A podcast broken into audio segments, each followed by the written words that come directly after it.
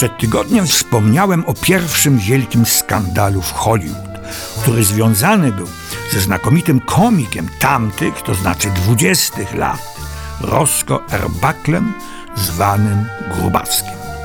Brzemienne w skutki tragiczne wydarzenia miały miejsce w nocy z 5 na 6 września 1921 roku. Nie chcę wchodzić w szczegóły, które ujawniała szukająca sensacji prasa, a także niektórzy uczestnicy tamtych wydarzeń. Szybko pojawiły się także oświadczenia samego głównego zainteresowanego. Ponieważ, jak to się mówi, kamery i mikrofonu przy tym nie było, trzeba być bardzo ostrożnym, szybkim i pochopnym ferowaniem wyroku. Spróbuję być w miarę obiektywny. Tuż przed ową feralną nocą Rosk Arbuckle wraz z dwoma przyjaciółmi wynajął trzy pokoje w San Francisco Hotel w San Francisco. Pokój środkowy to była łazienka. Rosko miał umówione spotkanie z dziewczyną, ale jak to bywało i bywa, już od rana liczne towarzystwo osób obojga płci raczyło się w owych pokojach alkoholem. Przypomnę, panowała wtedy sroga prohibicja, która jednak łamana była na każdym kroku. Towarzystwo, kiedy gdzieś jest tak zwana impreza, powiększało się i zmieniało. Wśród nieproszonych gości znalazła się również niejaka Virginia Rappe, aspiring actress, czyli no, jeszcze nie aktorka, ale starająca się nią być. Takich było w Hollywood, a właściwie wokół Hollywoodu setki, jeśli nie tysiące. Virginia Rappe znana była ze skłonności do mocnych trunków, jawnej nadpobudliwości i skłonności do zrzucania z siebie swych szat. W czasie tej, no nie ma co ukrywać, dynamicznej imprezy, Virginia Rappe nagle zaniemogła i wycofała się. W tym czasie Rosco Grubasek postanowił zmienić ubranie. Był ciągle jeszcze w domowym stroju porannym, żeby udać się na ową umówioną randkę. Wszedł do swojego pokoju i nagle zauważył w przejściu do łazienki leżącą na podłodze Virginię Rappe. Wiła się z bólu, trzymała za brzuch, wymiotowała. Rosko podniósł ją i położył na swoim łóżku. Poprosiła o szklankę wody, którą jej podał. Kiedy pytał, co się stało, sądził, że to dolegliwości żołądkowe, powiedziała mu, że poddała się kilka dni temu aborcji. Widoczne też były ślady krwi. No, nie muszę mówić, że aborcja była wówczas surowo zakazana. Roscoe wszedł do łazienki, ogolił się, a kiedy wrócił do pokoju, zastał Virginię leżącą na podłodze, w konwulsjach. I w tym momencie pojawiła się osoba, która odegrała fatalną rolę w dalszym biegu wydarzeń. Maud Delmont też należała do tej armii aktorek inspe, kręcących się wokół ludzi Hollywoodu i szukających okazji, żeby zaistnieć na ekranie.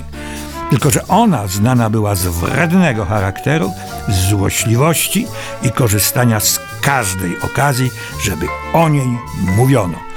Oświadczyła, że zajmie się Virginią.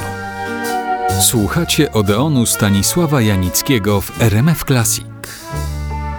Kiedy Rosco wrócił ze swej umówionej randki, zastał w swym pokoju Virginię w coraz gorszym stanie, którą Mot Delmont rozebrała i okładała kawałkami lodu, żeby zmniejszyć jej bóle, które u Virginii jeszcze się natężyły.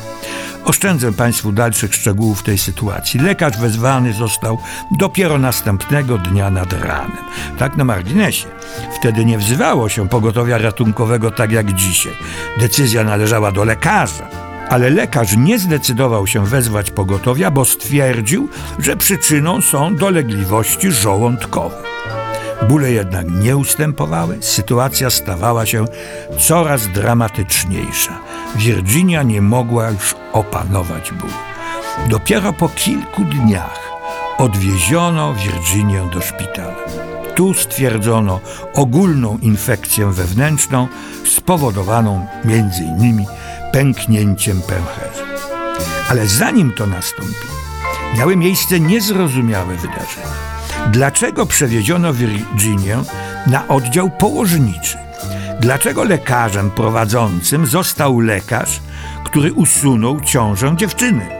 Dlaczego pierwszym zabiegiem było usunięcie w szpitalu wszystkich organów żeńskich Virginii? W tym czasie, co później stwierdzono, niezrównoważona Maud Delmont opowiadała na lewo i na prawo, kto tylko chciał słuchać, a sensacja wielkiego kalibru wisiała w powietrzu, więc słuchających było wielu.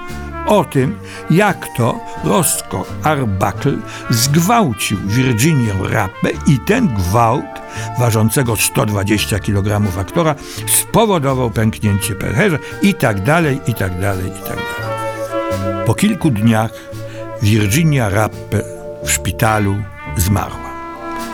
Plotki, pomówienia, wprost fantastyczne wersje zaczęły krążyć po całych Stanach Zjednoczonych, Ameryki Północnej. Dbała o to prasa koncernu Randolfa Hearsta. Wkrótce też będzie jednym z bohaterów innego skandalu. Prasa Hearsta, specjalizująca się w przedstawianiu, rozdmuchiwaniu, i prawdę mówiąc fałszowaniu rzeczywistości, przeżywała wtedy swe wielkie dni. To była niezwykła gratka. Uwielbiany komik, znany i kochany na całym świecie, odpowiedzialny za śmierć, świetnie zapowiadający się, oczywiście to się też już pojawiło, aktorki, o której notabene nikt nie słyszał. Goska Arbakl, zwany Grubaskiem, został aresztowany. Detektywi i policja oskarżyły go o dokonanie morderstwa z premedytacją. Roscoe Arbuckle początkowo odmawiał wszelkich deklaracji, wiedział, że jest niewinny i sprawiedliwości musi stać się zadość. Prośba jego adwokatów o rezygnację z aresztowania za kaucją została odrzucona. Na nic nie zdały się oświadczenia i apele jego przyjaciół, Mabel Normand, Charlie Chaplina czy Basta Keatona choć ten ostatni, co w jakiejś mierze jest zrozumiałe, zawahał się, bo nie chciał ryzykować swej znajdującej się wtedy u szczytu sławy kariery. I tak zaczął się przedostatni rozdział życia, bo już nie twórczości Rosco Erbakla, zwanego Grubaskiem. Ale o nim opowiem za tydzień. Serdecznie zapraszam.